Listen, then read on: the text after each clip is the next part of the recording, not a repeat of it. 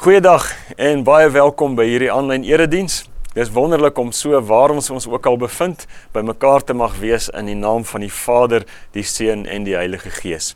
Ons is by mekaar ook in die naam van Jesus en is wonderlik om te weet dat die Jesus in wie se naam ons by mekaar is, die Jesus aan wie ons verbind is, dat hy die opgestane Here is, die een wat die dood en die sonde oorwin het, die een wat vrees oorwin het.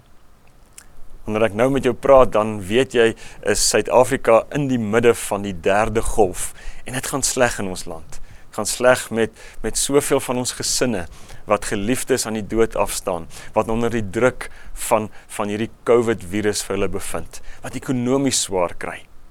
Maar hier's 'n belangrike ding. En as jy nie by ons inskakel vandag het jy dit dalk nog nie gehoor nie, maar as jy 'n gereelde uh, inskakelaar is, 'n gereelde lidmaat van KSM is, dan sal jy weet KSM wil wees daar waar die nood is. En hierdie derde golf is nood.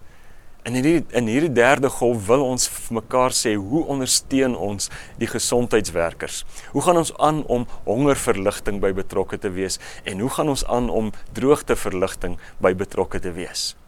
KSM is waar die nood is. Ons mense se veiligheid, hulle gesondheid, hulle welstand lê baie na in ons harte. En daarom het ons ook besluit om vir die volgende 5 weke terwyl hierdie derde golf van aan die gang is, nie in persoon byeenkomste te hê nie. Ons volwasse eredienste gaan aanlyn voort, ons kinder- en tienerbediening gaan aanlyn voort. Kom ons vertrou die Here regtig om om vanuit hierdie hartseer slegte situasie iets wonderlik na vore te bring, geleenthede vir ons as kerk te gee om 'n verskil in sy land en in sy wêreld te maak. Kom ons bid saam. Hemelse Vader, as ons vandag met U praat, Here, dan is ons bewus van soveel van ons mense wat seer het, wat bekommerd is, wat siek is, en wat wat op verskillende maniere swaar kry. En daarom is dit vir ons so wonderlik dat ons deur Jesus 'n Vader mag hê met wie ons kan praat. En in die gebed nou Vader wil ons wil ons ons harte net voor U kom uitstort. Wil net wil net vir U kom sê Here, U ken ons harte. U weet wat in ons harte aan die gebeur is. Ken ons bekommernis, besorgdheid. U ken u ken die seer van soveel van ons lidmate. Ook van van mense wat nie lidmate van ons is nie wat wat swaar kry, Here. Ons gebed is Here dat u dat u beheer sal oorneem van dit wat in hierdie wêreld aan die gebeur is. Ons begeerte is Here dat u vir hulle wat hartseer is, soos wat u beloof het sal vertroos. En ons gebed is dat u vir hulle wat bekommerd en benoud is dat u hulle sal bevry in die naam van Jesus. Een wat gesterf het sodat ons kan lewe nou en vir altyd. Dankie vir die Bybel. Dankie dat u met ons as u mense praat, dat u vir ons van die lewe vertel, dat u vir ons leer hoe om die lewe te leef. En ons bid dat U dit ook vandag sal doen wanneer ons nou uit die Bybel uit gaan lees en daaroor saam gaan praat. Kom praat U asseblief deur U Gees met elkeen van ons. In Jesus se naam. Amen. Verlede week het Colin met ons begin gesels in hierdie nuwe reeks van ons oor deure en hy het gesels oor oop deure. Maar nou is die vraag, sê nou maar daar's meer as een oop deur. Sê nou maar daar's twee of meer oop deure geleenthede, hoe besluit ek deur watter deur stap ek? Jy sal met my saamstem dat besluitneming baie dikwels 'n baie stresvolle situasie is, 'n baie stresvolle proses is. En een van die redes hoekom dit stresvol is, is omdat ons bang is ons maak foute. En dan is daar verskillende maniere hoe ons kan kan probeer voorkom om foute te maak. Een van die maniere wat eintlik 'n baie mooi manier is, is as hier meer as een oop deur, meer as een geleentheid voor ons is, dan vra ons doeteenvoudig vir die Here, Here, wys U vir my watter deur moet ek deurgaan? En dit is baie mooi maar ons moet tog ook versigtig wees. Want sê iemand, daar's 'n baie fyn lyn tussen tussen geloof en bygeloof. Geloof is is om jou lewe aan die Here oor te gee en sê Here, hier is my lewe, kom U en bereik U doel volledig met my lewe. Bygeloof is om God aan te wend en om God te gebruik om jou doeleindes te bereik. My geloof is is om die pad van die lewe te stap op jou manier met met jou agenda soos wat jy dit wil doen en dan net so af en toe God te konsulteer wanneer daar 'n besluit geneem moet word. Wanneer hier nou twee oop deure voor jou is, dan dan dan raadpleeg jy God soos wat 'n mens partykeer die tannie wat daar in die karavaan sit en en palms leefs sal sal raakneem soos party mense doen. Ek het nog nooit verstaan hoekom sal iemand jy iemand raadpleeg wat in 'n karaf, ou karavaan bly langs die pad en dink dat dat hierdie persoon van my gaan vertel waar is rykdom en sukses en roem te vind nie. Maar bygeloof is om met God dit te doen. Is om my pad te stap, my agenda te dryf en dan net af en toe om te raadpleeg. As ons na hierdie gedeelte waaruit ons gelees het kyk, dan dan verstaan ek dat dat God anders dink oor die lewe van gelowiges, anders dink oor die lewe van sy kinders. God God is baie meer geïnteresseerd in die soort mens wat ek besig is om te word as as wat hy geïnteresseerd is dat ek net elke keer die regte besluit neem in elke situasie. Vers 9 en 10 gaan dit daaroor dat ons sien God is besig om my as totale mens te vorm deur sy woord en deur sy Heilige Gees. Hy vorm my sodat ek soos Jesus sal wees. Soos dat en as ek soos Jesus is, dat ek die besluite sal neem wat Jesus sou neem. So God is besig om my te vorm en natuurlik speel gebed saam met medegelowiges 'n rol daarin.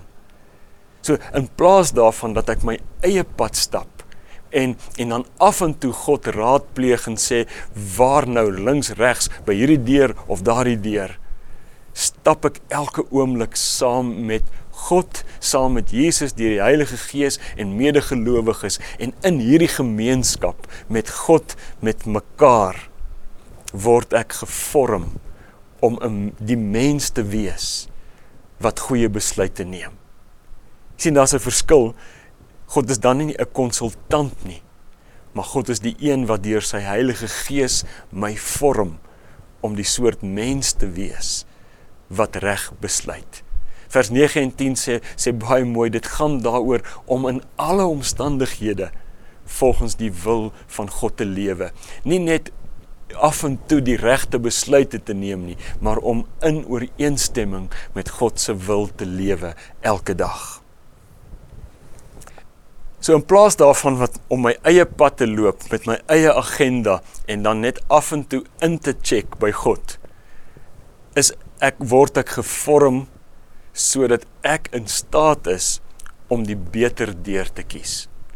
Want daar's natuurlik is daar goeie deure daar's die regte deure en daar's beter deure. So God vorm my sodat ek in staat is om die beter deur te kies.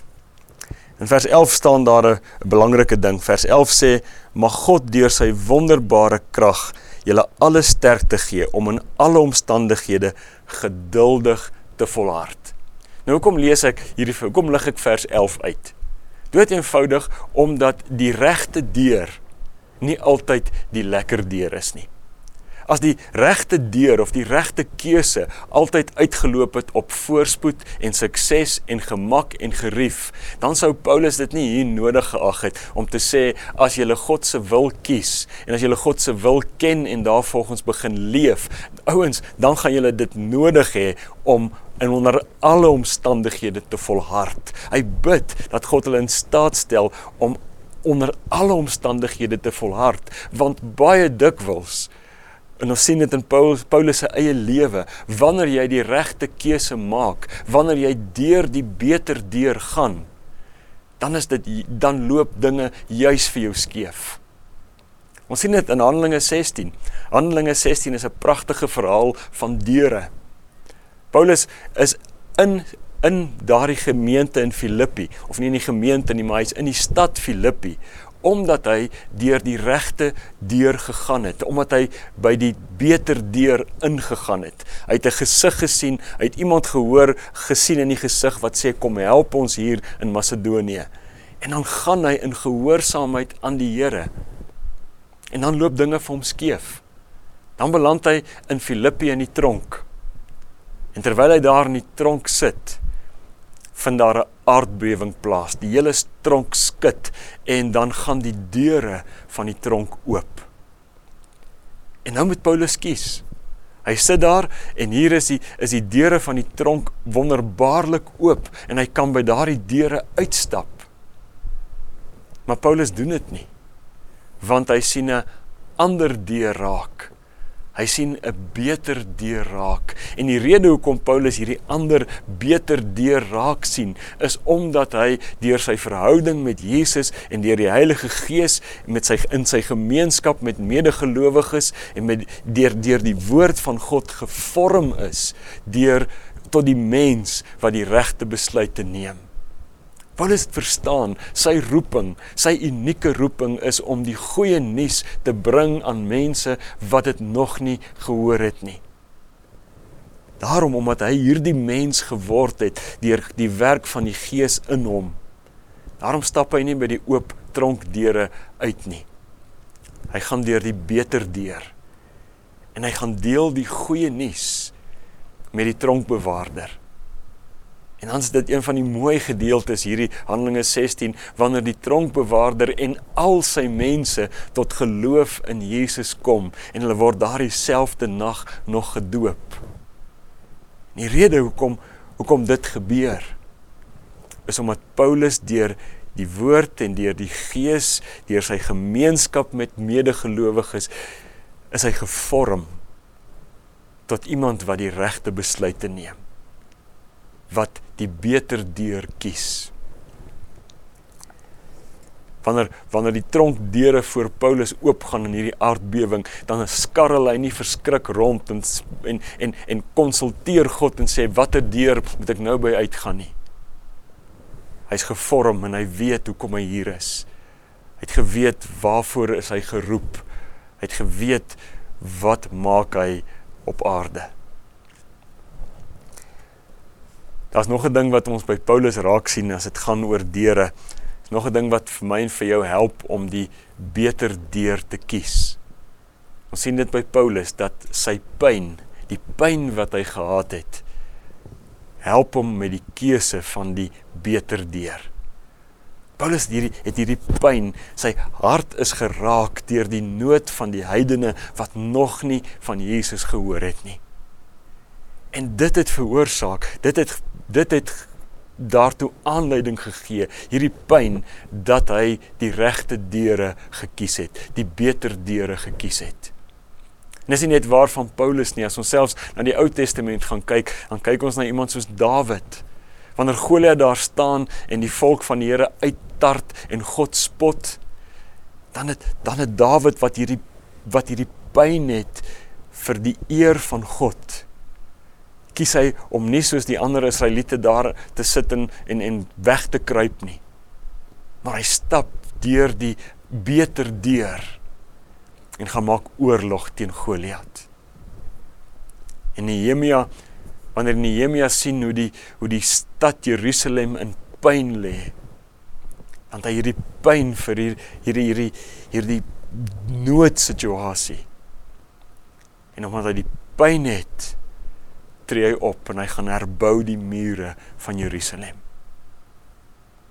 Ek ken ek ken iemand wat wat deur kinderkanker geaffekteer is. En in plaas van om om by 'n deur van selfbejammering, 'n deur van verbitterdheid in te gaan, het sy gekies om deur die beter deur te gaan. Gekies om om by projek of 'n projek te initieer om by kinderkanker betrokke te raak. Ek ken iemand wat wat as gevolg van omstandighede die binnekant van die tronk beleef het. Waar mense sonder Jesus in die tronk sit. en dan gekies het om hierdie pyn wat hy beleef te kanaliseer om hom te help om by die beter deur in te gaan. Net 'n projek wat vandag nog aan die gang is begin waar mense in die gevangenis bedien word met die goeie nuus van Jesus. Die vraag wat ek en jy moet antwoord is wat breek ons harte? En as jy hierdie vraag kan antwoord, gaan dit jou help om die beter deur te kies. Wat wat breek jou hart? Is dit is dit honger kinders? Is dit is dit onreg wat jou hart breek? Is dit mensehandel of moderne slawerny? Is dit die miljoene mense in die wêreld wat Jesus nog nie ken nie? Jou antwoord op hierdie vraag, wat breek jou hart? gaan jou help om deur die beter deur te gaan. Ons praat van oop deure. Ons praat van beter deure. Maar dan is daar die heel beste deur. En die heel beste deur is is nie is nie is nie 'n deur nie, maar is is 'n persoon. Dis Jesus. In Johannes 10 vers 9 praat Jesus en dan sê hy ek is die deur. Wie deur my gaan sal gered word. Wat wie by wie deur hierdie deur wat Jesus is ingaan sal gered word. En hier in vers 14 sê Paulus dit ook so mooi sê deur die seun deur die seun het ons verlossing gekry. Deur die seun het het het ons het het God ons nuut kom maak vers 13 sê Paulus dit baie kragtig wanneer hy sê God het het ons deur Jesus deur Jesus het hy ons weggeruk uit die heerskappy van die donker uit. Daar waar ons niks weet nie, daar waar ons nie lig sien nie, daar waar ons nie weet wat om te doen en wanneer om dit te doen nie. Hy het ons weggeruk en hy het ons geplaas onder die heerskappy van die seun. En hierdie Jesus sê sê Paulus so mooi in hoofstuk 2 vers 3 sê hy hierdie Jesus onder wie se heerskappy ons geplaas het met wie ons deur die gees in 'n verhouding leef. Hy's die een in in Jesus is al die verborgde skatte en van wysheid en kennis te vind. So so hoor jy as as ek en jy deur hierdie deur gegaan het wat Jesus is dan is ons nie uitgelewer en in aan onkunde en donker nie. Want want die een met wie ons in verhouding leef, die een wat toe ek hom aangeneem het met wie ek een geword het. Hy's die een wat alle wysheid in pag het. Hy's die een wat alle kennis het. Hy's die een wat presies weet wat die wil van God is. Onder die koningskap van Jesus Dis dit beskryf my lewe nou vandat ek Jesus aangeneem het. Dit gaan nie meer oor my en my gerief en my gemak en my sukses en my foutlose besluite nie. Dit gaan daaroor dat onder Jesus se koningskap word ek gevorm. Onder Jesus se koningskap word ek gevorm deur my gemeenskap met medegelowiges, deur die Heilige Gees, sê vers 9 en vers 10 en en en deur die woord word ek gevorm om 'n goeie besluitnemer te wees. Om iemand te wees wat kies wat die beter deur is. Wat toelaat dat dat die pyn wat ek beleef vir onreg of stikkindheid dat daardie pyn my lei om met die regte deur in te gaan. God is baie meer geïnteresseerd in die soort mens wat ek besig is om te word as die tipe besluite wat ek neem. Want God weet as hy deur sy woord en deur sy gees my vorm dan sal ek die mens wees wat reg kies. Amen.